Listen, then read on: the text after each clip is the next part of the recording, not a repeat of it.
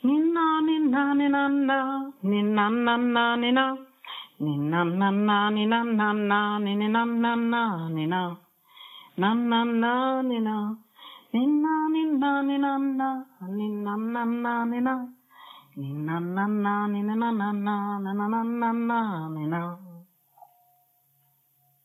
Boing! Dagens boktips. Simma med de drunknade av Lars Mytting. Lars Mytting är journalist och författare. Uppvuxen i norra, norska Gudbrandsdalen. Där också huvudpersonen i den här boken växer upp.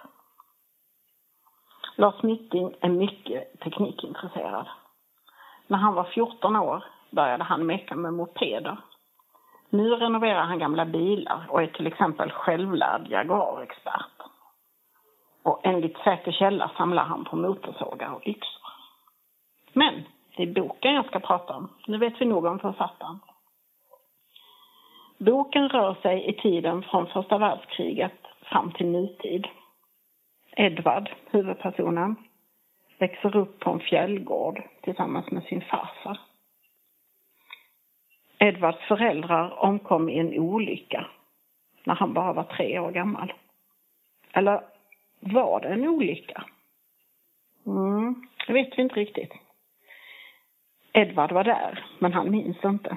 Han var ju faktiskt bara tre år. Vi får följa Edvard och hans släkt på olika platser, både i tid och rum. Det rör sig kring ett stort slag under första världskriget i Frankrike.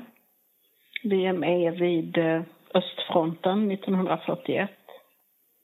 Och så kommer vi till Shetlandsöarna som hade väldigt starka förbindelser med Norge.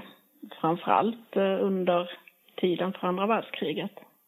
Och det har satt sina spår fram till idag. Det här är en otroligt fin och ganska långsamt berättad historia om ensamhet, skuld, arv och släktfejder. Och det är verkligen spännande. Och så fick jag lära mig om fint snickeri och att det finns någonting som heter flambjörk.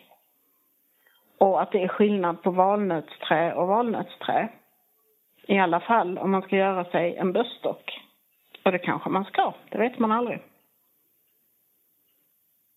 Språket i boken är alldeles underbart.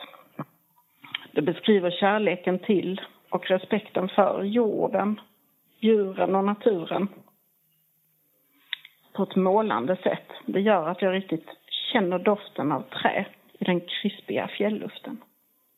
Jag tycker verkligen att du ska läsa boken. Tack och hej! Och ja, just det. Jag måste ju kanske berätta om introt också. Det är inte säkert ni känner igen det, ni ungdomar. Det är signaturen till tv-programmet Boktipset som gick på SVT mellan 1976 och 89. Det var ett av mina favoritprogram. Det kan vara kul att veta. Tack och hej! Du lyssnar på Låt höra